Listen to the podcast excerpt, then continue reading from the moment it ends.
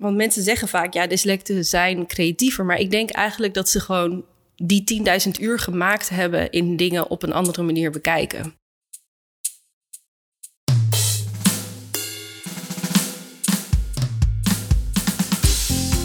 Hey, superleuk dat je luistert. Dit is de Creatiedrift podcast.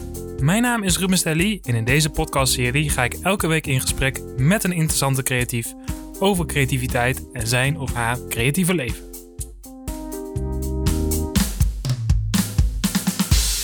Ja, dit is alweer aflevering 8 van deze podcastserie. Mocht je nou voor het eerst luisteren naar de Creatiedrift, uh, ja, er zijn al zeven afleveringen geweest. Op mijn website kun je kijken www.rubenstelly.nl. Daar staat een mooi overzicht. Daar kan je alle afleveringen uh, terugluisteren. Um, daarnaast kun je natuurlijk abonneren op alle podcastkanalen. Daar is de Creatiedrift te vinden. En dan gaan we nu naar mijn gast van deze week. Voor aflevering 8 heb ik een gesprek gehad met Anne Lichtenberg. Anne is ontwerper, veelzijdig ontwerper. Ze doet heel veel verschillende dingen en raakt ook allerlei disciplines aan. Wat ik heel mooi vind aan haar werk en wat ook de reden is dat ik haar graag wou spreken in deze podcast, is dat ze haar creativiteit inzet voor, ja, laten we zeggen, persoonlijke vraagstukken. Ze maakt aan de ene kant wat ze graag zelf wil maken. Uh, ze maakt heel persoonlijk werk. En vrijwel altijd komt het ook voort vanuit ja, de zorgkant, vanuit een bepaald zorgvraagstuk. Uh, zo ontwikkelde ze onder andere een boek over dyslexie. Ze heeft zelf dyslexie en met dit boek geeft ze eigenlijk een inzicht in hoe mensen dyslexie met dyslexie taal ervaren. Dat is een heel tof project geworden en het is ook gerealiseerd dankzij een uh, succesvolle crowdfunding. Uh, daarnaast doet ze nog veel andere dingen en ze vertelt daar ook over. Uh, ze vertelt ook over dat projecten elkaar positief kunnen beïnvloeden, omdat je overal weer iets van opsteekt. We hebben het over van allerlei dingen. Aan het eind geeft ze nog een interessant inzicht, en dat is een inzicht die wel even bij mij is blijven hangen, heeft over de waarde van complimenten. Um, waarom je maar beter naar complimenten kan luisteren en dat ze heel veel waarde hebben en dat ze ook veel zeggen over jouw creativiteit. Nou, dat komt allemaal te sprake. Ik zocht Anne op in haar studio in Eindhoven, die ze samen heeft met haar vriend Mats. En daar werkt ze ook heel veel mee samen. Daar hebben we het ook nog even over. Uh, ze werken op sectie C, een creatieve verzamelplek in Eindhoven. En uh, daar uh, sprak ik met Anne. Luister naar het verhaal van Anne Lichtenberg. Zo, Anne. Hi. Hi. Ja. Welkom. Nou ja, we zitten in jullie studio. Ja, zeker. Er is hier een beetje galm, dus daarom gaan we heel dicht bij de microfoon zitten en dan... Uh... Gaan we hopen dat niemand er last van heeft. Precies, precies. hey, we gaan een uurtje babbelen, dat is het idee. En, ja. ik, heb, ik heb één vraag, en die stel ik al mijn gasten. Om even bij het begin te beginnen als het ware. Wat maakte jij als kind? Um, wat maakte ik als kind? Um, ik, ik tekende heel veel. En ik uh, knutselde ook best wel veel thuis. Ja, ik vond eigenlijk al het maken vond ik heel leuk. Gewoon, Als het maar maken was, ja, creatief zijn. ik was niet heel erg fan van school, zeg maar. Okay. Dus ik vond al het maken vond ik gewoon heel leuk. En ik, dan zijn mensen daar positief over en dan vinden ze het mooi. En dan, uh, nou ja, daar begon het eigenlijk eerst mee. En toen heb ik vanaf, uh, ook toen ik best wel jong was, volgens mij acht of negen of zo ook altijd toneellessen gehad. Okay, dus toen kon ik daar ook weer helemaal in verhalen vertellen mm -hmm. en bezig zijn. En dus ik zocht altijd wel heel erg het creatief bezig zijn en het maken. En ja, dat zocht ik wel heel erg op. Het ging je dus daarom uh, maken, creatief bezig zijn, je kunnen ja. uiten, dat soort. Uh... Ja, ja, dat. Uh, dat, ja, dat was leuk en dat ging goed. En dat Daar was je goed fijn. in blijkbaar. Dat, dat ja, had je nee, plezier ja. in. Ja, daar had ik gewoon een.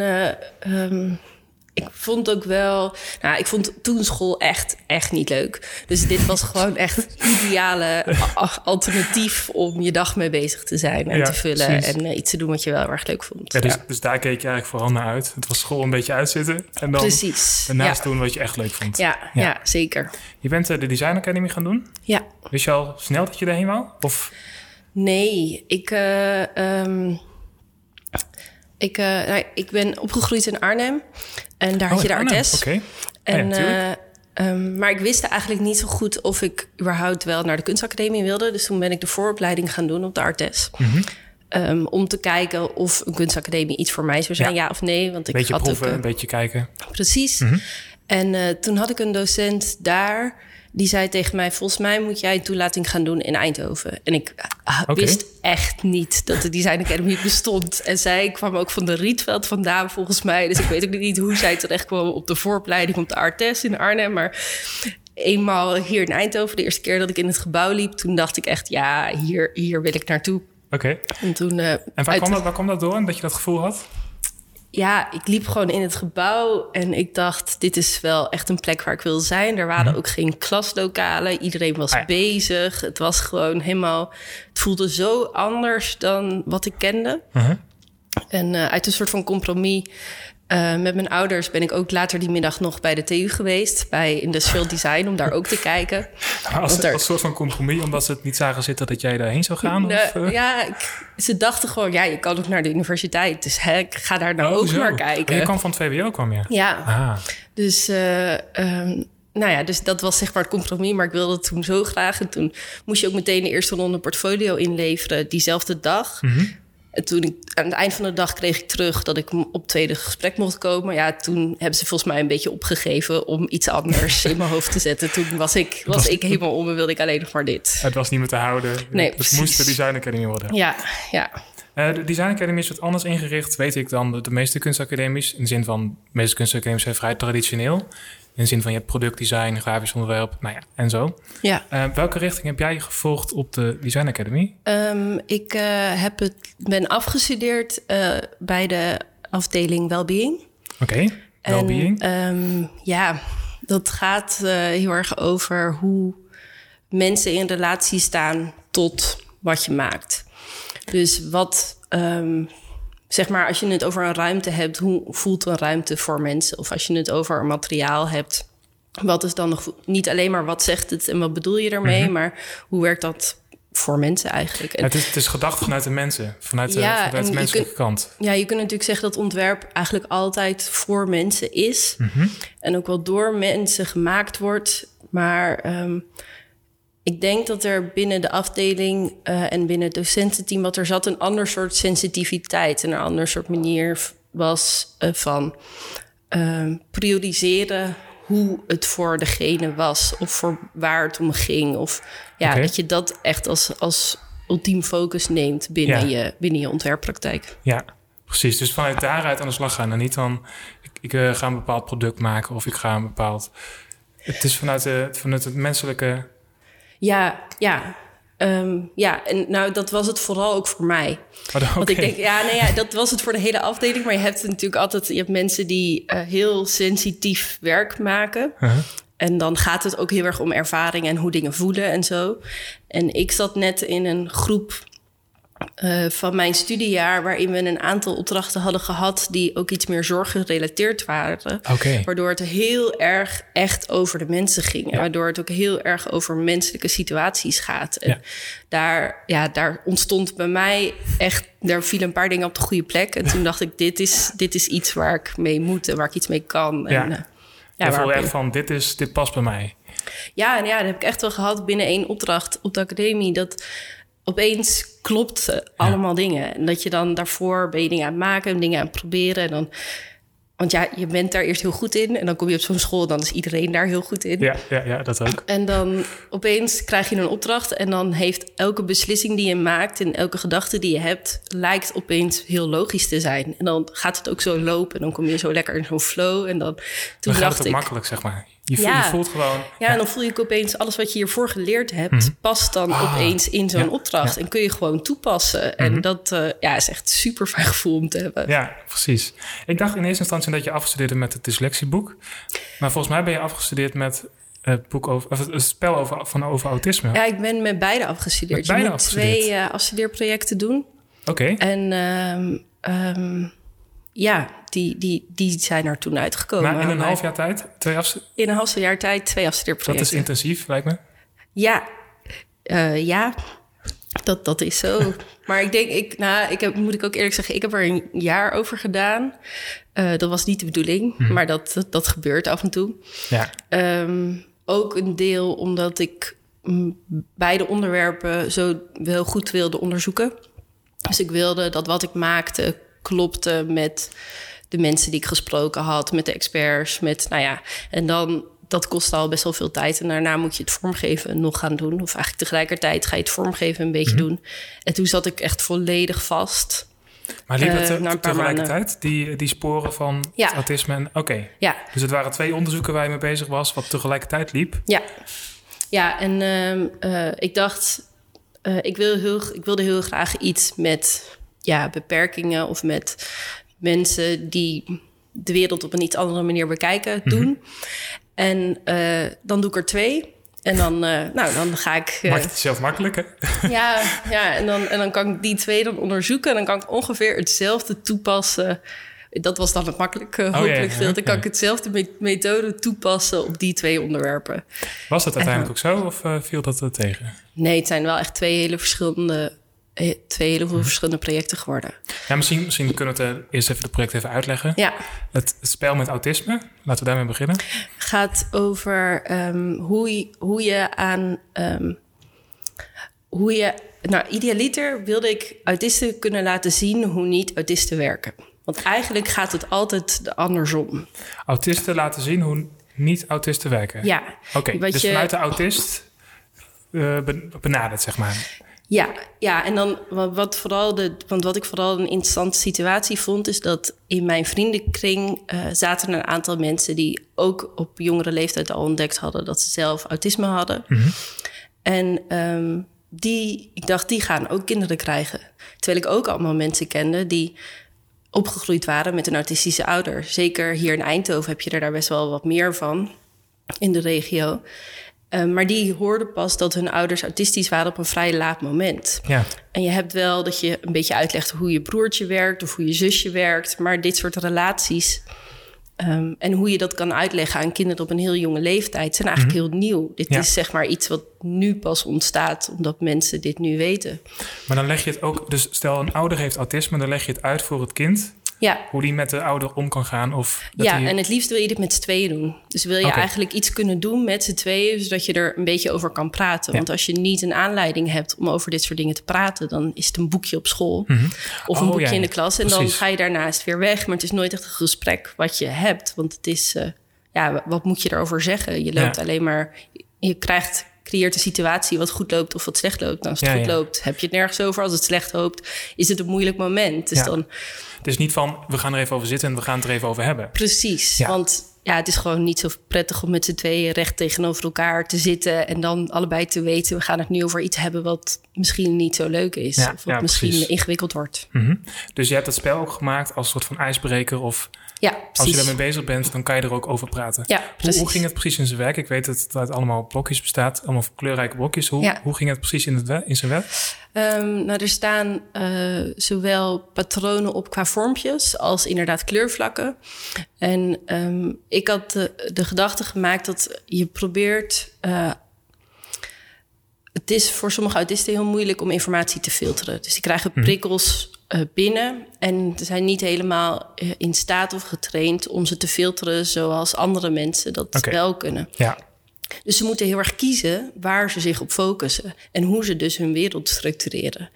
En dit spel bestond dus uit allemaal blokjes en patronen die wel heel erg op elkaar lijken. Dus je kunt wel een, een structuur bouwen met ja. z'n tweeën, maar je moet mhm. ook keuzes maken. Oké, wat vinden wij dat wel bij elkaar hoort en wat vinden wij dat niet bij elkaar hoort? Ja, dus het is, het is een puzzel die je dan samen oplost. Ja, het is een soort van constant compromissen en bespreken. Oké, waarom past dat wel, waarom past dat niet? Mhm. En ja, hij is dan zo gemaakt, want nou, dat kent iedereen die wel zijn puzzel maakt. Het allerergste is dat je hem dan af hebt en dat je hem dan weer kapot moet maken. Ik dacht, ja, dat kan ik sowieso deze situatie niemand aandoen. Is al niet leuk en in deze situatie al helemaal niet. Dus je hoeft hem dan ook alleen maar om te draaien om vervolgens weer chaos te krijgen. Dus oh, met precies dezelfde input kun je een structuur bouwen, maar creëer je ook chaos. En dat is constant de balans waar je met z'n allen in verkeert. Ja, precies. Oké. Daarnaast dus het dyslexieboek. Ja. En dat komt vanuit jouw eigen achtergrond. Ja. Uh, ja, ik ben dyslectisch. Mm En um, dat, uh, dat is ook waarschijnlijk waarom ik school niet zo leuk vond. Dit zou zo kunnen. dus maar wel, zal iets met elkaar te maken een bepaald creatief talent had. Of daar, daar wel uh, je ei in kwijtkomt. Ja. ja, ik heb wel eens gehoord... Ik vind dat een hele interessante theorie... die iemand mij wel eens verteld heeft. De, zeg maar de, de 30.000 uur of de zoveel duizend uur hm. theorie die er is. Of 10.000 uur, ja. Precies, die, dank je. Ja, uh, is al eens een keer besproken in deze podcast. Dus, ja, dat is waar, ja. En, um, maar dan, ik, want mensen zeggen vaak, ja, dyslecten zijn creatiever. Maar ik denk eigenlijk dat ze gewoon die 10.000 uur gemaakt hebben in dingen op een andere manier bekijken. Oh, dus ik denk eigenlijk niet dat ze van tevoren, ja. ja. dus dat ze niet van tevoren al creatiever zijn, maar ze hebben gewoon in een periode uh, dat ze taal hebben moeten leren en op school gewoon daarmee hebben moeten werken hun eigen omweggetje moeten bedenken. Die hebben ze al zo vaak geoefend dat je daardoor een soort van voorsprong krijgt op anderen om dingen op een andere manier aan te pakken. Of om heel associatief te denken, om, om veel visueel dingen op te pakken. En uh, ja, dat je daar eigenlijk, ja. Omdat je niet vanuit, vanuit de letters of vanuit de woorden uh, de kennis bezig bent, maar meer associatief of uh, andere wegen bewandelen. Of uit, vanuit de verbeelding, zeg ja. maar. Ja. ja. Dus als je dan twintig bent, bij wijze van spreken, en je hebt de selectie, dan heb je al meer dan 10.000 uur, heb je jezelf daarin getraind. Ja, ja. En ik vond, ik vond dat zo'n mooie theorie toen iemand dat vertelde. Want ik dacht ook, ja, het, het lijkt me heel gek dat je iets niet hebt en dus dan krijg je iets anders maar. Maar ik vond dit, dit klonk zo logisch. Ja, inderdaad. ik dacht van, want voor dit project ook was ik eens gaan kijken naar hoeveel dyslecten zitten er eigenlijk bij mij op dat moment op school. Mm Nou, daar kwam bijna tot een kwart van de studenten. En volgens mij was het percentage van docenten nog ietsje hoger. Oké. En ik wist wel dat het uh, bepaalde studies meer voorkwam of dan andere. Mijn mhm. broertje is ook dyslectisch en die studeerde fysiotherapie en daar was het ook best wel veel voorkomend. Dus ja, het kon ook niet toeval zijn dat dit soort mensen, net als ik, de, degene met dyslexie, op bepaalde plekken terechtkwamen. Ja, Want ja, ja, het betekent niet dat we allemaal dezelfde interesse hebben, maar het betekent ook dat we allemaal blijkbaar ergens een kwaliteit hebben zitten die op deze manier beter uit de ja, beter eruit komt. Ja, je hebt eigenlijk al je hebt een kwaliteit of een talent heb je ontwikkeld in de jaren, zeg maar. Ja, ja. ja. Uh, dus lectieboek, ehm, dat heb je toen niet uitgebracht. Hè? Dat heb je pas een paar jaar later gedaan. Ja. Dus maar wat was het toen? Toen was het nog een soort van onderzoek of uh, schetsjes waarbij je met woorden speelde. Nou ja, ik, ik vind het heel lastig om iemand anders werk uit te leggen. Dus misschien kan je het beter zelf doen. Um, ja, het, ja, het was toen... Het was toen voornamelijk een onderzoek gebundeld in een boek. Oké. En uh, de, uh, ja, de, nu ook als ik de versie waarmee ik afgestudeerd ben bekijk, die heb ik al verbeterd toen, toen hij voor het eerst op de graduation show kwam. En toen daarna mhm. ben ik hem nog een aantal keer gaan exposeren. Want ik ben toen ook heel erg gaan zoeken, oké, hoe ga ik ervoor zorgen dat dit bij mensen komt? Ja, oké, daar was je toen ook al mee bezig. Ja. En je wou er al impact mee maken of je wou dat het bij mensen kwam. Ja, want ik had eigenlijk, ik merkte, nou dat was het fijne aan dat er een aantal docenten ook dyslectisch waren. Iedereen reageerde hier zo goed op mhm. of uh, voelde zich ook... Um, voelde dat zij ook een plek hadden in dit geheel. Ja. Dat ik dacht, ja, ik moet hier wel voor zorgen dat dit bij heel veel mensen komt. Maar je leert wel ontwerpen, maar je leert helemaal niet hoe dit bij heel veel mensen terecht gaat komen. Nee, zeker niet. Dus toen heb ik ook wel bedacht, oké, ik ga wel kijken hoe ik dat zorgvuldig kan doen. En um, hoe, ja, hoe dat lukt. En ik had dat misschien binnen een half jaar wel snel kunnen doen. Maar toen zaten er nog allemaal hele papier en vorm ingewikkelde dingen in dat boek. En dan, dan voelt dat ook nog zo van jou. En alsof dat allemaal moet. Dat dat ook nog niet. Dacht ik, ja, dat kan ik helemaal niet uitgeven op deze manier. Dan wordt het onbetaalbaar. Dus wat moet er dan in blijven en wat moet er niet in blijven? En hoe kan het toch de vorm krijgen dat ik vind dat het uh, die het verdient? Ja, maar dan ben je ook al heel praktisch bezig hè? met hoe, hoe kan ik het uiteindelijk in het product van maken. Terwijl ik me ook kan voorstellen, als je afstudeert, dan gaat het van nou, komt onderzoek ja. en de, de aanzet die je hebt. Ja, nou, het is niet zozeer. Ja, het is. Um, ja, allebei, denk ik. Want um, het, door het vaker te kunnen laten zien dan alleen bij mijn afstuderen, kreeg ik opeens ontdekte ik ook dat ik heel veel nieuwe input erbij kreeg. Oh, Want opeens, ja, ja, ja. je ziet niet dat iemand dyslectisch is. En opeens gaat iemand zomaar uit zichzelf allemaal dingen vertellen. Of, oh, dit herken ik wel, dit herken ik niet. En het was een heel mooi moment tijdens Graduation Show... dat de zoontje van degene die de expositie gebouwd had... Mhm. met zijn vader aan de hand naar de tafel kwam zitten. Hij had die ochtend al met zijn moeder er een tijdje gestaan. En die ging echt zo van, kijk pap, dit heb ik wel, dat heb ik niet, dat heb ik wel. En dat gaf mij weer heel veel input. Dus elke keer als ik dat boek ergens tentoonstelde... of deelnam aan een expositie daarmee, kwam er weer nieuwe input van Ja, allemaal dyslecten die ik ook weer, weer. ja, die Ja. ik ook gewoon weer kon gebruiken in een boek. Ja. Of in verdere versies van een boek. ja, dus zo heeft het zich ook een beetje verder ontwikkeld. Ja, ik denk ook dat de versie die ik nu uitgegeven heb, in die zin ook veel toegankelijker is. En eigenlijk veel meer getest is Mhm. Ja, die- dan precies, ja, waarmee ik getest, afgestuurd ja. was. Ja. Want dan merk je ook, oké, wat snappen mensen wel, wat snappen mensen niet. Want ja, dat is hieraan om heel veel uit te leggen. Wat ik dus zeg maar gedaan heb, is eh, met zo weinig mogelijk tekst, zo goed mogelijk proberen te laten zien eh, hoe dyslecten taal ervaren. Ja. Dus dan ook eh, de taal proberen in beeld weer te geven. Ja. Zodat Dus eigenlijk is de beeld en de inhoud... Ja, Ja. zodat iemand die het wil lezen, die snapt het. Iemand die gewoon wil kijken en niet per se wil lezen, die snapt het ook. Ja. Maar dat is... ehm, ja, wat, wat, wat ik persoonlijk super interessant vind... is als een woord er staat... dan gaat iedereen ervan uit dat we allemaal denken... dat we weten wat dat betekent. En dat we ook allemaal hetzelfde idee hebben... van wat dat woord inhoudt. Ja, Terwijl dat, we dat is een soort van onbewuste aanname die iedereen heeft. Ja. Van, ja. Ja. Terwijl als je een beeld ziet, dan kun je je afvragen: oké, hoe heeft de maker dat bedoeld? Of wat zie ik erin? Of we zijn veel meer getraind om dan een paar vragen te stellen als een soort van Mhm. Check. Snap ik wat het is? En op het moment dat je die twee samen gaat voegen, gebeurt er wel iets interessants. Want sommige mensen reageren alleen maar op de tekst en anderen reageren veel meer op het beeld. Maar als dat niet overeenkomt of als daar frictie tussen zit, dan wordt het opeens onduidelijk. Dus Ja. ik ja, heb ook misschien wel al die mensen die het werk gezien hebben nodig gehad om, dit, om die twee helemaal goed bij elkaar te krijgen. Ja, ja, precies. Ja, je had het gewoon nodig om, dat, om het verder te ontwikkelen. Ja, ja en ik daar. Al, al lerende, want ik kan me voorstellen, als je dit doet en je bent zelf dyslectisch, dan heb je bepaalde ideeën erover. ja, Maar door die ervaringen van anderen krijgt het pas echt, kan het pas echt goed vorm krijgen. ja, En dat het ook voor anderen kan, kan werken. Wat je zegt van dat Ja, met die, met die vader. Dan, dan kom je dacht, hé, hey, het werkt ook. Het kan ook. Ja. jouw, eh, ja, en wat je dan ook ontdekt opeens is dat jouw werk, eh, want dat doet het dyslexieboek echt veel beter dan het autisme-project. Dat dit heeft mij echt totaal niet nodig.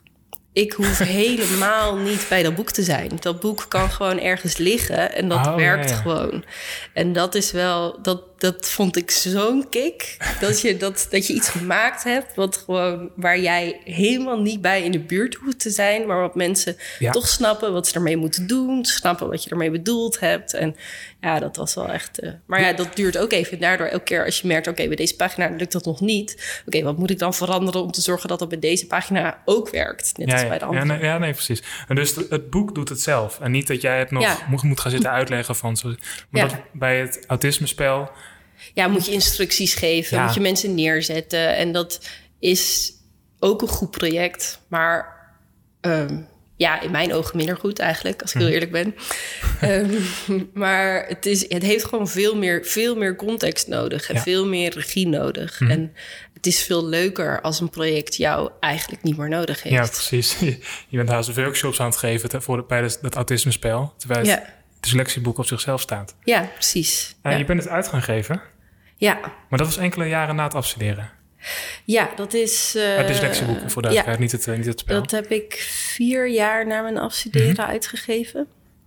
En ehm, Wat was de aanleiding? Had je zoiets van, ik wil dat nog doen? Of, ja, ik wil dat sowieso heel graag doen. Ehm, het, is, eh, geen, het is geen theorie.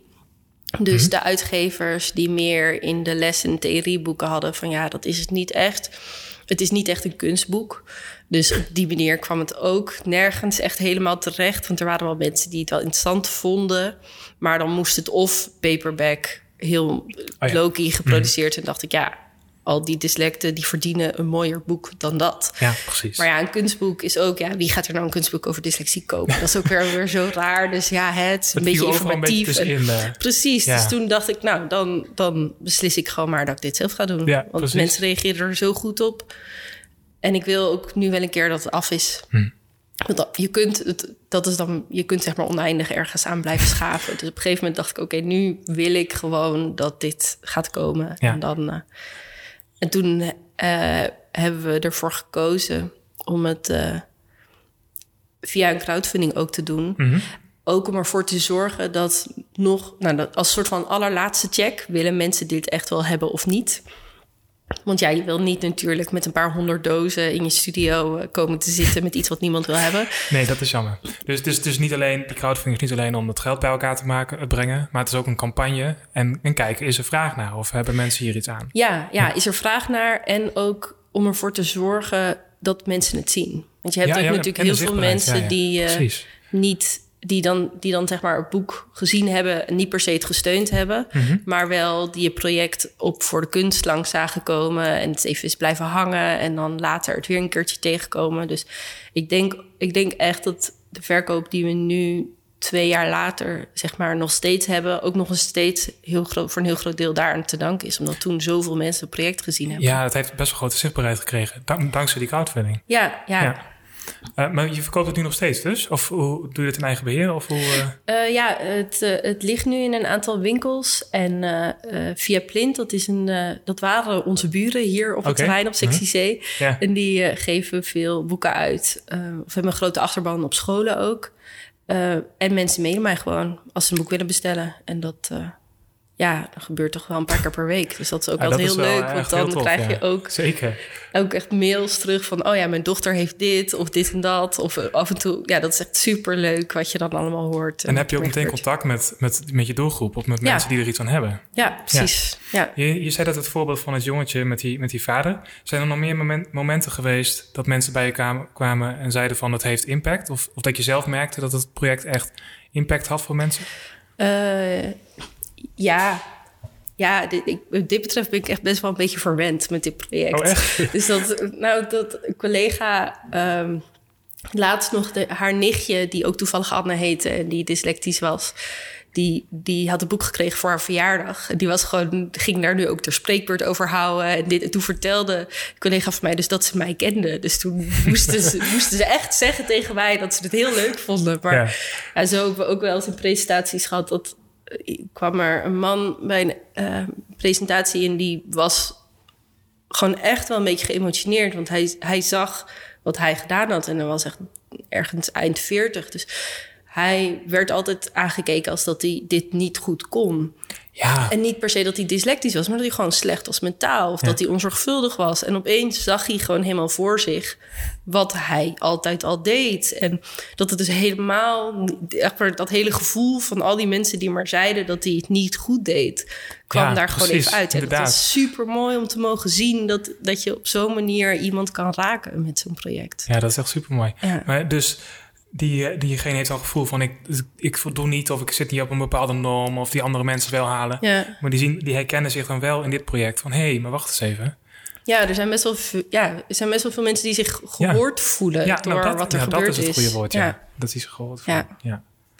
En dat is, ja, dat, ja, wat ik zeg, daar ben ik gewoon echt wel ja, een beetje mee verwend. Dat dat, ah dat, gewoon af en toe aankomt waaien. Dat, is zo uit het niets ook. En dat is gewoon een cadeautje wat je dan krijgt af en toe in je mailbox of in gesprek met iemand. Ja. Dat is een supermooi compliment. Ja. En dan, daar doe je het misschien ook wel voor. Ja, zeker. Ja. Maar ja. naast het feit dat je graag maakt of dat je graag creatief bent. Ja. Maar als je merkt dat je werk ook daadwerkelijk impact heeft, dat is natuurlijk te gek. Ja, ik denk ook dat ik daarom ook het, het interessant vind om werk te maken voor mensen waar niet per se heel veel werk voor gemaakt wordt. dus dat, je, dat je op die manier iets kan bijdragen aan hoe iemand begrepen wordt of hoe iemand zijn leven leidt. Of hoe, ja, daar zit gewoon wel iets heel moois in om daar eens aandacht voor te geven. En, en dan vaak vanuit, een, de, vanuit de zorgkant, zeg maar. Mensen die. Ja, dan kom je veel bij de zorgkant terecht. Ja. ja. ik kwam ook nog een project tegen van jou, uh, um, wat je hebt gemaakt voor je nichtje heb je bestek ontworpen, maar dat was ook op de academie volgens mij. Ja, dat is eigenlijk dat project waar alles, alles goed viel. Dat is zeg maar dat project geweest waarin ik opeens oh, snapte hoe dat allemaal moest e- werken. Even uitleggen, zij had ziekte volgens mij, als ik het goed herinner. Ja. En je hebt bestek, uh, dus ze at heel traag, of eet heel traag. Ja. Ik ga het weer jouw project uitleggen. dat is wel leuk hoor, iemand anders je project wil uitleggen. Nou ja, dan ga ik gewoon door. Nee, um, en je hebt dus bestek ontworpen. Um, die ervoor zorgt dat mensen trager gaan eten. Dus dat, dat ze op haar tempo eten. Ja, ja precies. Want um, ja, iedereen, je wil als iemand uh, ziek is of als iemand uh, nou ja, een beperking heeft, graag dat ze mee kunnen met de rest van Ja, de mensen. precies. Dus je gaat heel erg je best doen om te zorgen dat diegene een zo normaal mogelijk leven kan hebben. Mhm. Nou, een van haar dingen was dat ze moeilijk at en heel erg het gevoel had dat ze vol zat terwijl ze eigenlijk extra moest eten. Oké, ja. Ja, dus zat ze altijd aan het einde in haar eentje aan tafel, sip te kijken, nog steeds naar een boterham die niet op was, maar die ze wel echt moest opeten. Ja, dat is gewoon een super vervelende situatie. Ja, En toen was ik 24 uur bij ehm, mijn oom en tante thuis. En bij het avondeten, want ze hadden bezoek, want ik was er dus. Dus dan ga je toch iets uitgebreider met z'n allen avondeten. Dan ga je het hebben over hoe de dag was en al haar broertjes druk zijn en bezig. En toen opeens at ze helemaal niet zo heel veel trager dan de rest. Omdat de rest zo druk bezig was, Oh, ja, ja, ging dat opeens veel gelijkmatiger. maar jij was daar die 24 uur als, als onderzoek. Ja, als ik alles opgenomen, foto's maken, eten, opnemen, doen, de, de hele, de hele rattenplan eromheen. Ja? En ehm, nou, toen zag ik dus haar gewoon mee gaan draaien met de rest. En toen dacht ik, ja, we moeten helemaal niet proberen haar... ehm, we moeten Roos helemaal niet proberen sneller te laten eten. Volgens mij moet ik gewoon eens de rest aanpassen. Want Ja. ja, we kunnen wel proberen met z'n allen dit norm naar de normale mensen te maken. Maar volgens mij moeten we die norm af en toe gewoon eens omdraaien... om te zorgen dat we toch wel iets met z'n allen kunnen doen. En Ja, het niet ja, opvalt dat je een keer buiten de... Ja, buiten de normaal of buiten de situatie staat. Mhm. Dus weer denken vanuit, vanuit hygiëne en dat proberen te levelen. In Ja. plaats van denken vanuit het normaal zijnde. Dus ja. Ja. ja. ja. ik vind het heel interessant om te kijken hoe je, hoe je dus zeg maar de normen, normatieve kan verleggen en daar ook mee kan spelen. Want dat levert eigenlijk bijna altijd voor iedereen een interessante situatie op. En een nieuwe invalshoek of een nieuwe ervaring. Precies, ja. Want we doen gewoon heel veel dingen gewoon omdat we ze zo doen. Niet per se omdat we er heel goed over nadenken dat het op zo'n manier moet Heel veel gebeuren. dingen zijn, nou ja, heel, heel veel dingen zijn onbewust. Of er zitten bepaalde patronen of bepaalde denkswi- denkwijzen. Ja, ja, precies. En er zijn heel veel ontwerpers zijn daarmee bezig om dat soort dingen te doorbreken. Ja, Maar jij doet het dus vanuit eh, die zorgkant of mensen die echt een ander, ja, vanuit die mensen zijn, zeg maar. ja, Ja, ja, ja, precies. ja. mooi. Ehm, hoe heb jij de periode na de academie, hoe heb jij je, je weg gevonden? Want je bent meteen zelfstandig gegaan, of samen met Ja. je vriend Mats? Of Ja. hoe, hoe is dat allemaal? Eh, ja, Matt was al eh, anderhalf jaar voor mij afgestudeerd. Dus die had al wat projecten lopen. En ehm, ja, ik heb ook best wel veel te danken aan ICSI. Dat is een eh ontwerpstudio en winkel hier eh, in Eindhoven. En die hadden toen ook een expositieruimte. En die hebben me toen gevraagd...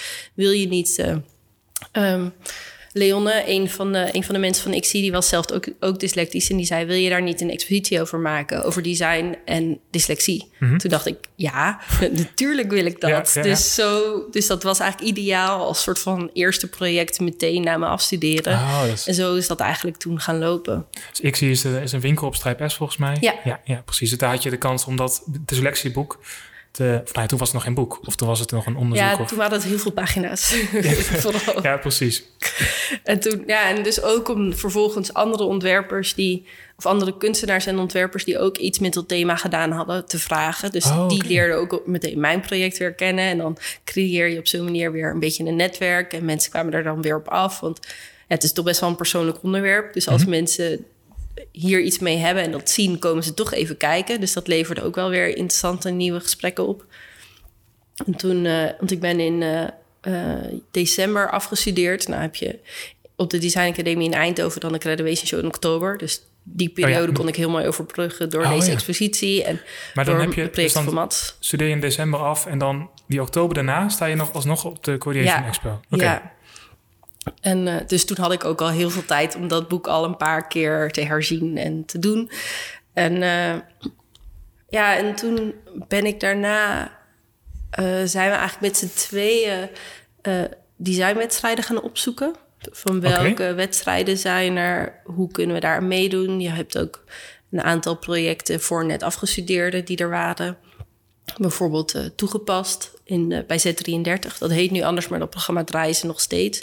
Voor mensen die binnen de, toen was het één en nu is volgens mij drie jaar afgestudeerd. We hadden, kon je dan een pitch voor een project schrijven. En dan oh kreeg je een klein budgetje plus begeleiding. Mm Zo ben ik eigenlijk gaan zoeken, oké, wat kan ik allemaal doen? Want ik, ik wilde helemaal niet mijn eigen studio hebben namelijk. Ik wilde eigenlijk gewoon... Nee, ik wilde eigenlijk heel graag ergens werken. Maar ik had zo mijn niche gevonden in projecten waar ik aan wilde werken. En ik, daar kon ik geen studio bij vinden die dat soort projecten deed op dat moment. dus ja, toen zat er eigenlijk niks anders op dan toch maar een eigen weg vinden binnen ja, de wereld van zorg en design en een beetje onderwijs. En uh, ja. Het, het moest maar. Of het, uh... Ja, ik voelde wel echt heel erg dat ik dit heel graag wilde en dit heel erg leuk vond. En dat, dat er ook echt wel behoefte aan was. Ja. En het mooie is nu dat je eigenlijk in de hele ontwerpwereld steeds meer ziet dat mensen hiermee bezig gaan zijn. En dat er ook best wel veel um, ja, toenadering van beide kanten gezocht wordt. Mhm. Nu is het bijvoorbeeld... vanuit de zorg ook, dat ze ook naar designers toe komen. Ja, nou, we hebben nu uh, hebben we voor het eerst eigenlijk een project die helemaal direct vanuit de zorg is, waar geen enkele culturele instantie meer tussen zit. Uh, die er nu is. Dus dat is wel echt heel tof. Ja, dat dat gewoon mensen ook beginnen te zien van hey, um, ja, kunst en zorg is altijd wel een beetje een, een combinatie geweest. Maar dat je ook als ontwerper een positieve bijdrage kan leveren aan hoe mensen hun dag ervaren of mogelijkheden die ze hebben. Ja, dat begint nu ook echt wel steeds meer bekendheid te krijgen. Ja, die boodschap begint te landen ook in de zorgwereld. En ja, niet meer dat het alleen in de, in de designwereld uh, ja, ja. zit. Dus dat is wel. Uh, ja, het is wel moeite waard geweest om dan toch voor mezelf te beginnen een paar jaar geleden. Ja, nee, dat heb je toch maar gewoon gedaan. Maar ja, ook, je zit natuurlijk ook met de ondernemerskant en alles, al die randzaken wat er allemaal mee aan zit. Uh, was dat de reden waarom je dacht van ik ga eerst in dienst of ik ga bij een studio werken? Ja, ik werk, ik werk heel graag met mensen. Dus ik hm. werk liever in oh, groepen. Hm. Dus ik denk dat dat het voornamelijk was. En uh, dus nu, wat je nu eigenlijk ziet, is alle projecten die ik doe, zijn ook binnen no time met een groep mensen. Oh, Verzamelijke groep mensen om me heen met wie we dan dat project samen doen. Of, mm Nou, dat is ook het fijne. Mijn werk nu en bijvoorbeeld toen met de dyslecten ook. Van ik heb op verschillende scholen workshops gegeven en verschillende studenten op de academie toe verzameld die allemaal dyslectisch waren, die ik als testgroepen ingezet heb en mensen geïnterviewd. Dus ik zoek ook altijd mensen op om daar informatie bij me vandaan te, te halen. Ook omdat ik niet zo snel lees. Dus daarom is bijvoorbeeld de hele podcastwereld voor mij nu ook ideaal. want je hebt nu opeens al die ingesproken mensen. Dus ik ging ook altijd veel naar lezingen. Dus ik zoek ook graag mensen op die mij informatie kunnen geven. Mm ja, daarin leek mij binnen een studio werken ook fijner. Want dan zit je met mensen en ben je meteen aan het delen. En als je je eigen studio begint. Nou heb ik Mats wel. Ik ben natuurlijk super blij met Mats. maar als we nou de hele dag met z'n tweeën te praten... is ook wat veel. Dus dan wil je wel weer andere mensen ook erbij hebben. Dus die zoek ik nu eigenlijk veel meer binnen de projecten op. Ja, ja je kan me ook voorstellen dat je ook wel met andere mensen wilt zien... of andere mensen... Ja. Het viel me trouwens op, zo interessant dat je dit zegt... het viel mij op, ik had het ook opgeschreven... dat jullie best wel vaak samenwerken met andere, met andere mensen. Met af, andere, andere ontwerpers of andere, andere, andere dingen. Ja, want ik vind het ook... Uh, ik vind, als ontwerper word je natuurlijk opgeleid als, uh, met het idee dat je alles een beetje moet kunnen. Of dat je in ieder mhm. geval alles een beetje moet kennen. En er zijn ook best wel wat mensen die dan uh, daar ook heel veel moois in zien. Dat ze dus alles een beetje zelf kunnen en dus heel veel zelf in de hand hebben. Maar ik vind het juist ook heel fijn om mensen op te zoeken die iets anders beter kunnen dan ik. Ja. Zodat je veel meer kan kijken van oké, ik kan dit stukje, jij kan dat stukje. Als we dat bij elkaar brengen, wat kunnen we dan? En daarin vind ik het ook heel fijn om inderdaad veel samenwerkingen aan te gaan met andere mensen. Nee, zeker. Ik denk, ik denk dat het ook wel goed is. Misschien hebben eh, ontwerpers ook vaak de neiging om dingen zelf te doen. Maar het is ook wel lekker om het bewustzijn te zeggen, hebben van... nee, andere mensen kunnen sommige dingen gewoon veel beter. Dus dan is het ook beter om samen te werken... en niet alles zelf te willen doen.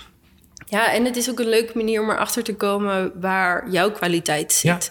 En hoe, hoe je die aan kan scherpen. En dan is het in, eh, ja, het zorgt er ook voor, en dat vind ik wel heel fijn aan dat wij in basis eigenlijk al met z'n tweeën zijn, dat je veel scherper moet zijn op de ideeën die je uitspreekt Omdat je, je hebt altijd al iemand aan iemand kunnen testen. Oké, is wat ik nu ga zeggen duidelijk ja of nee? En als je met een klant of met een opdrachtgever werkt, dan moet dat, ja, dan moet dat gewoon heel duidelijk zijn. Want die hebben weer een heel ander taalgebruik dan ontwerpers vaak hebben. En met hoe meer mensen je in zo'n team zit, hoe scherper je ook moet zijn om die samenwerking goed te laten verlopen. En hoe beter je ook kan communiceren naar opdrachtgevers. Dus dan heb je het al, heb je het al even getest voordat je het met andere mensen bespreekt. Dat Precies. bedoel je. Ja. ja, ja. Maar je zegt dat je scherper moet zijn, maar dan, dat, dat klinkt voor mij een beetje alsof je dan uh, op je woorden moet letten. Maar het is meer dat je bedoelt dat je het even kan testen. Je moet wel alles kunnen zeggen. Ja, ja, ja. ja. Ja, nee, het is niet de bedoeling dat je zelf al heel veel filters plaatst nee, voordat je met iemand anders deelt. Oh, ga ik dat zeggen? Nee, maar ja, ik snap het. Ja, maar dat je, nou, wat ik ook merk is dan, um, als je namelijk met iemand anders aan het praten bent, dan hoor je jezelf ook opeens iets zeggen waarvan je denkt, ja, precies, dat, dat is wat ik bedoel. Ja, ja. Oh, of je hoort iemand anders dat zeggen, dus je dat spiegelen wat je dan kan plaatsvinden, omdat je dus in een groep zit. Daar, moet je, daar ben je veel alerter op. Want als je in je eentje bezig bent, dan het is een beetje zoals mensen praten over een droom. Dat als je gedroomd hebt, dan lijkt het alsof er een hele wereld was. Maar eigenlijk heb je natuurlijk een paar flarden. En als je er terug aan denkt, dan maak je allemaal linkjes die er waarschijnlijk niet echt geweest zijn. Mhm. En zo is het met in je hoofd een nieuw, idee, een nieuw idee creëren ook. Dan lijkt het heel duidelijk, maar op het moment dat je het dan gaat uitvoeren, ontdek je hoeveel onderdelen nog niet duidelijk waren. Ja. Waar je gewoon zelf nog niet helemaal aan gedacht had. Want als je ja, bijvoorbeeld als ik nu een stoel bedenk, dan zie ik wel een stoel vormen. Dus ik denk, nou, die kan ik wel maken. Maar op het moment dat ik, en dan weet ik zelfs misschien nog wel welk materiaal. Maar op het moment dat ik dan echt die stoel ga maken, moet je opeens nog zoveel keuzes maken in hoe alles werkt, hoe alle verbindingen werken, hoe groot het precies is, wat de verhouding. En dat is eigenlijk met een idee creëren ook in mijn idee. Dus op het moment dat ik aan iemand anders moet vertellen welk idee ik bedacht heb, moet ik al gaande dat ik aan het praten ben, al die details die ik op een stoel zeg maar fysiek zou maken, mhm. ga ik nu ook al moeten maken, uitleggen precies. iemand anders. Ja.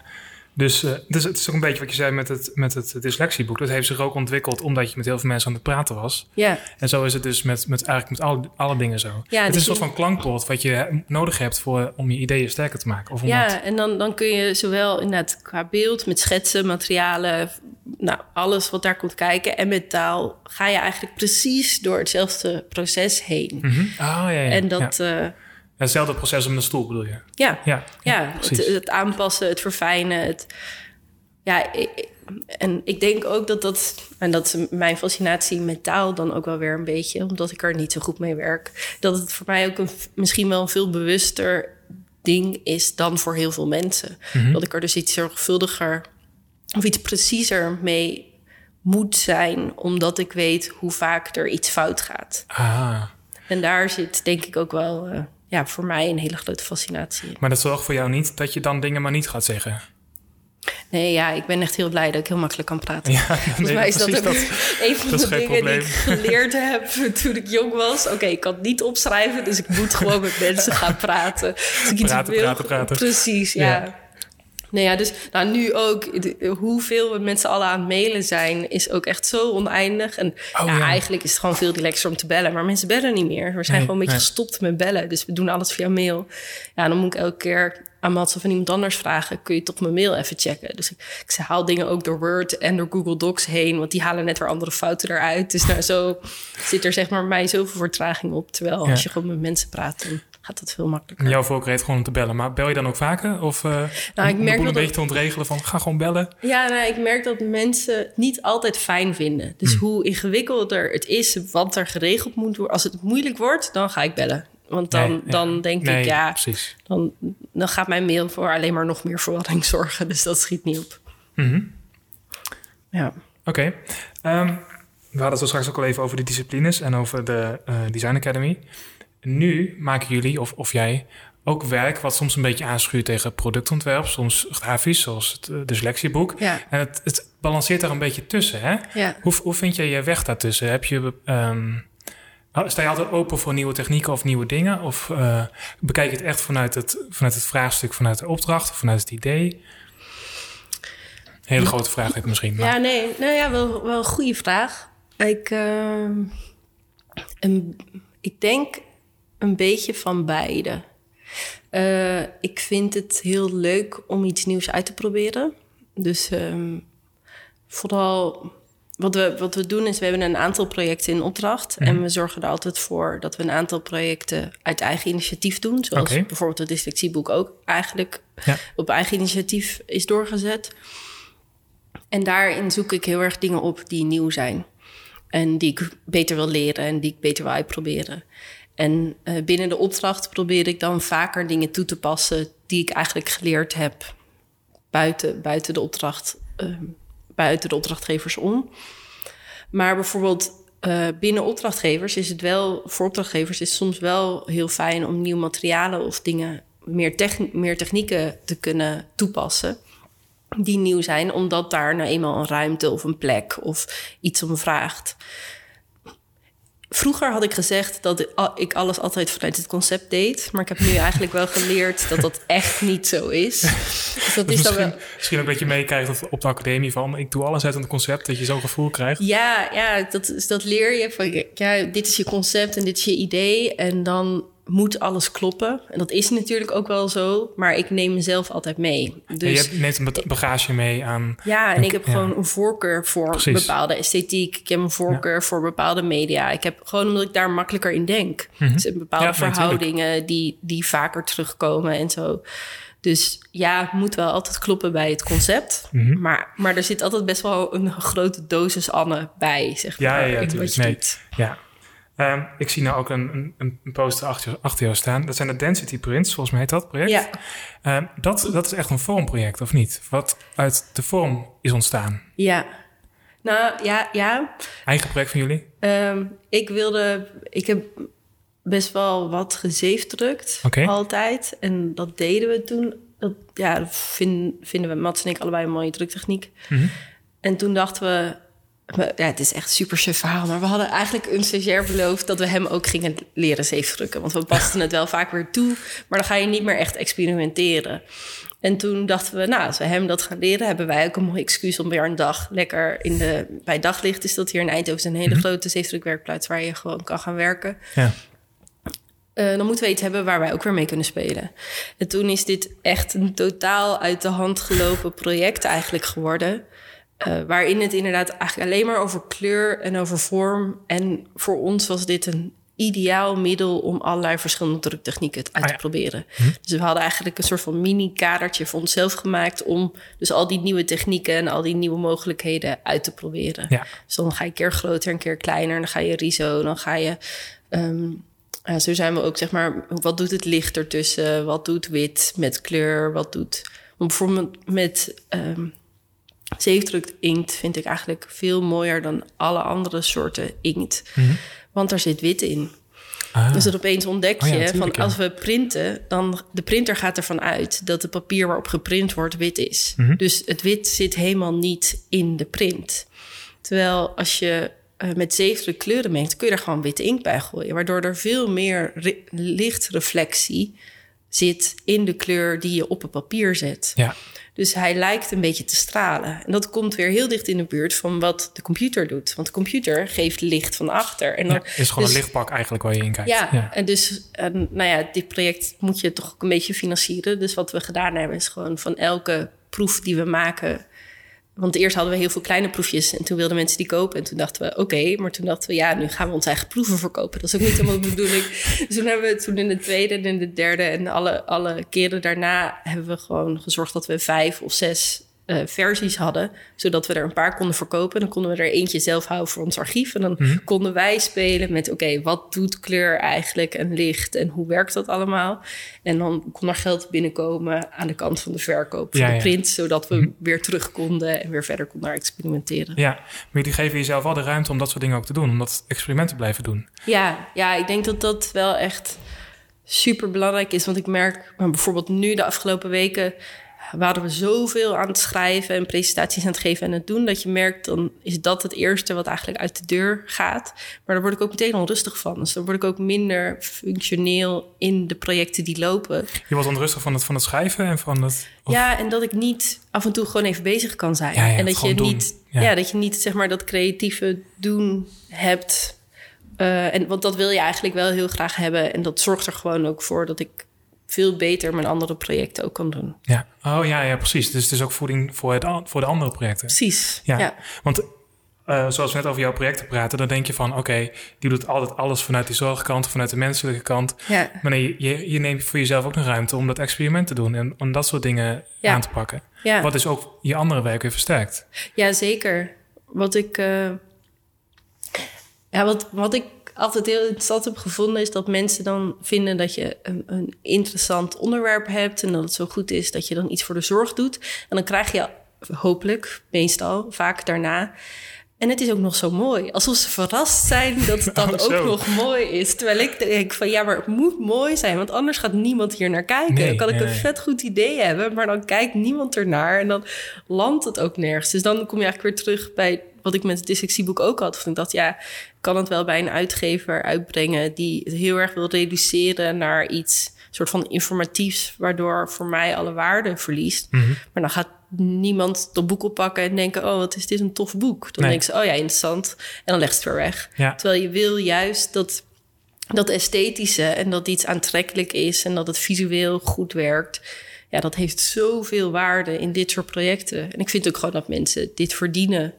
Ja, dat, soms dingen heel mooi zijn. Het heeft ook gewoon, je, precies, je gaat iets echt iets moois maken. Het heeft kwaliteit. En het is niet alleen van, oh, het is een leuk concept en het klopt wel als je het uitlegt.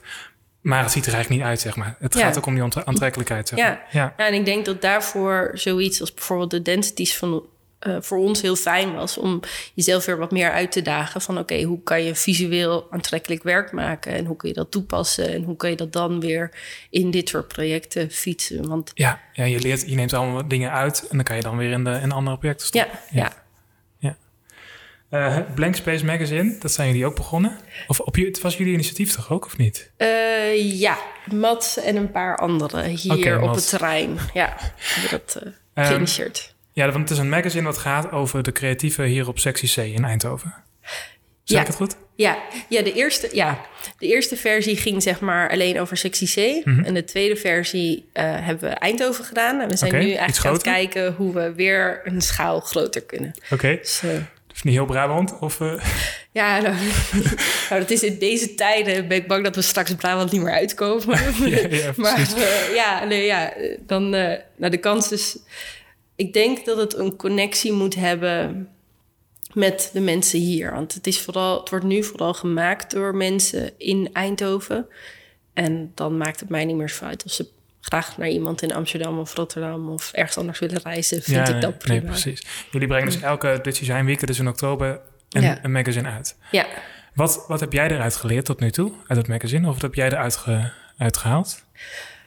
Eh, ja, het is voor mij het, eigenlijk net als voor jou het allerbeste excuus om gewoon met mensen te praten over waarom ze doen, wat ze doen en hoe dat werkt. Precies waarom wij hier nu zitten, zeg maar. Precies, Ja. ja. ik, ik denk dat dat gewoon eh, ja, ook super belangrijk is voor creatieven om te blijven doen. Mhm. Eh, verder eh, heb ik me toch een beetje weer in een positie gemanoeuvreerd dat ik het organisatorische stuk ook best wel een deel doe hiervan.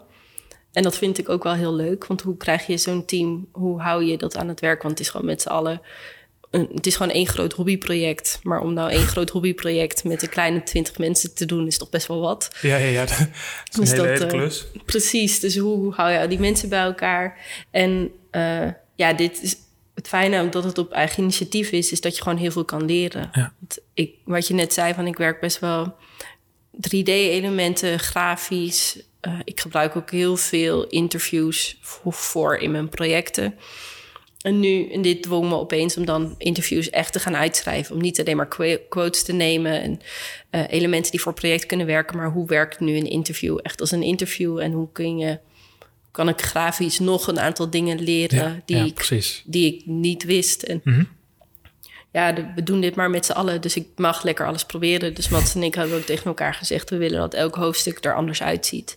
Want het is een andere fotograaf, het is een andere ontwerper... of creatief ondernemer die geïnterviewd wordt. Het is een andere interviewer. Hoe kun je een wereldje dan per hoofdstuk creëren?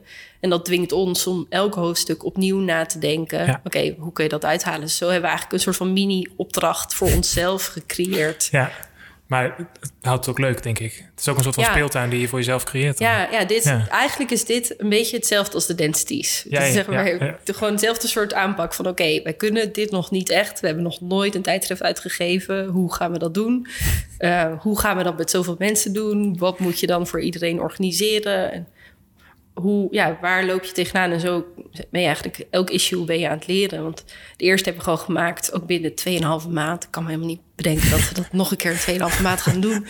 En de tweede heb je dan langer de tijd. Oké, wat ga je dan anders doen als je langer de tijd hebt? En nu kwamen we op een moment van, nou, we werken met z'n allen heel hard achter de schermen. Hoe laat je eigenlijk zien wie er heel hard achter de schermen werken? Want oh, dat is helemaal niet iets wat je ziet. Want we hebben elf mensen geportretteerd in dit tijdschrift. En die krijgen heel veel ruimte. nou, de fotografen, je ziet hun foto's, dus die ook iets meer. Maar ja, al die ontwerpers die hard gezwoegd hebben om een tekst uh, voor het eerst van hun leven uit te werken. Hoe zet je die ook in het zonlicht? Dus, hoe, dus dat zijn wel allemaal, ja, dat het is wel heel leuk om dit soort projecten voor jezelf op te zetten. Waarin je dus op zo'n manier toch gewoon blijft leren. blijft nadenken en gewoon een vrijbrief hebt om nieuwe dingen uit te proberen. Want je hebt geen opdrachtgever die zegt: ja, maar ik wil wat anders. Of dit werkt niet. Of we moeten binnen die tijd af. Of, uh, ja. ja, dat is heel, heel fijn, denk ik. Ja, super fijn. Hey, um, heb jij momenteel nog fascinaties of bepaalde projecten waar je mee bezig bent? Of iets in je hoofd waarvan je zegt: dat is uh, iets wat een beetje aan het broeien is? Uh, ja. Ja. Uh, ja, er zijn. Uh, nou, wat ik. Uh, ook nog wat ik meegekregen heb uit uh, de crowdfunding en eigenlijk uit, ook uit het dyslexieproject. Hoe belangrijk het is dat je mensen betrokken krijgt bij je project. Mm -hmm. Dus niet dat je uh, daar alleen maar voor zorgt dat je een goed project maakt en dat dan op tijd oplevert en dat mensen daar blij mee zijn, maar hoe je een soort van verbondenheid binnen ontwerp kunt creëren. Dus dat je mensen mee kunt nemen en dat je ook mensen dus nieuwe dingen kan laten doen. Want als ontwerper aankloppen weer bij een zorginstelling, dan denken ze ja, we hebben al helemaal geen geld. Waarom moet ik nu ook nog eens iets met jou gaan doen? Dus je moet en wat, wat ook nog eens vervelend is aan mij en heel veel andere ontwerpers, je weet ook nog eens niet precies wat je krijgt. Dus je, je hebt wel een vraag, je hebt wel een probleem. Over wat het resultaat is uiteindelijk. Ja, dus je, je hebt zeg maar als opdrachtgever, denk je, oké, ja, ik wil, ik heb hier een probleem, ga daar maar naar kijken. En dan zeg ik, oké, en dan gaan we daar naar kijken. En dan, dan, maar ja, je hebt, je hebt geen idee of het nou ja, een, een, een strategie wordt, of dat het een eh, campagne oh, wordt, of dat het een. Nou ja, en daar dus je moet mensen ook heel goed meenemen in wat je doet. Ja, dus je kan niet zeggen van ik ga voor jou aan de slag en dat wordt dan dit als einde. Ja. Want je weet het niet. Ja, of nou ja, ja je, ik doe wel mijn best om zoveel, mm zo goed mogelijk te zeggen wat het gaat worden natuurlijk. Maar ja, er, er blijft, blijft best wel vaag. Maar ja, dat is natuurlijk ook het creatief proces waar ontwerpers mee bezig zijn. Ja. Maar dat is niet zoals de meeste mensen of zorginstellingen denken. Zeg nee, nee, helemaal niet. Want dit is een probleem, dus dat gaan we nu oplossen. Wat gaan we doen? En dan ga ik eerst vragen, ja, maar waarom is dat een probleem? En dat is best wel een proces waar mensen in mee moeten. En ik merk dat dat heel leuk is binnen een project, maar ook heel interessant is om te laten zien. Alleen hoe je dat goed laat zien en hoe je dat goed. Uh, want ik doe dat vanuit nature, blijkbaar, heb ik ontdekt.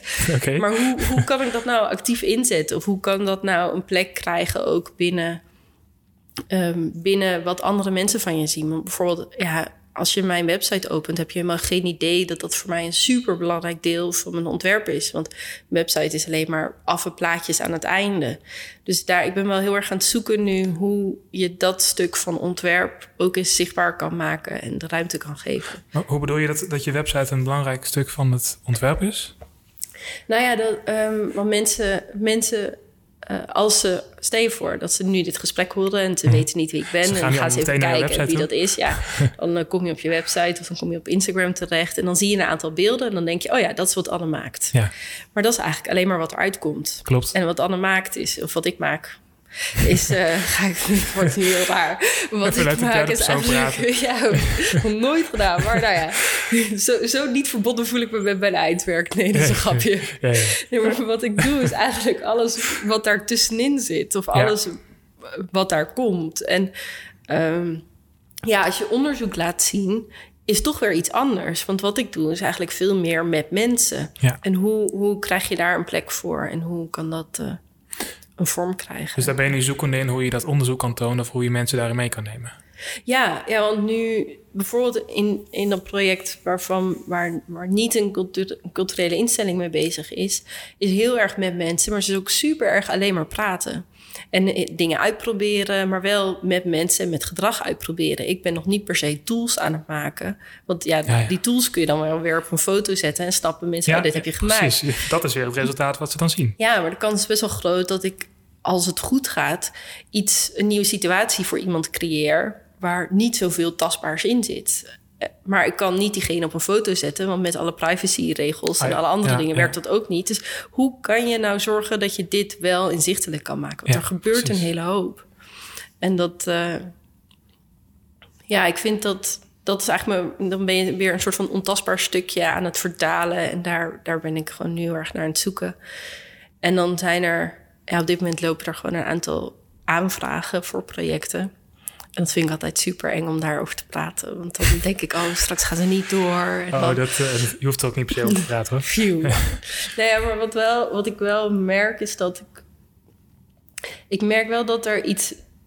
Nou, wat er bij mij eigenlijk meestal gebeurt is dat ik merk dat ik opeens over één onderwerp heel veel aan het lezen ben. Dat ik gewoon daar Oh, heel erg merk en over aan het luisteren. En dan, dan weet ik nog niet of daar iets gaat komen. Maar ik, ik heb wel weer, ik ben zo'n fascinatie nu wel weer aan het ontwikkelen. Dat ik denk van, nou, wie weet dat als je over een jaar weer eens kijkt, dat ik dan denk, oh ja, daar is dan toch een project uitgekomen of zo. Oh, dus dat je altijd op een bepaald moment een fascinatie hebt... waar je dan helemaal van in de fik staat als het ware? Dat bedoel je? Dat je dat ja, dan ik helemaal uitzoekt?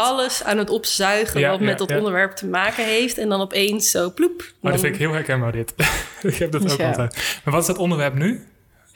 Ja, eh, ik ben nu heel, heel erg bezig met eh, wat. Oh, nou, moet ik- nu ga ik het voor het eerst hardop zeggen. nu, nu, ga ik dan, nu ga ik proberen dan niet al die filters aan te zetten die ik zei die dan niet moet aanzetten. Oké, ik ben heel erg bezig met. ehm, ja, nou ja, niet met gendergelijkheid, maar wat vrouw zijn is Mhm. in momenten dat ik zelf ook nog niet door heb dat ik als vrouw gezien word. Want je hebt heel. je- nu zijn er best wel veel mensen bezig met diversiteit en hoe je met gelijkheid bezig bent. Maar ik denk dat het ook, en dat is dan mijn fascinatie weer.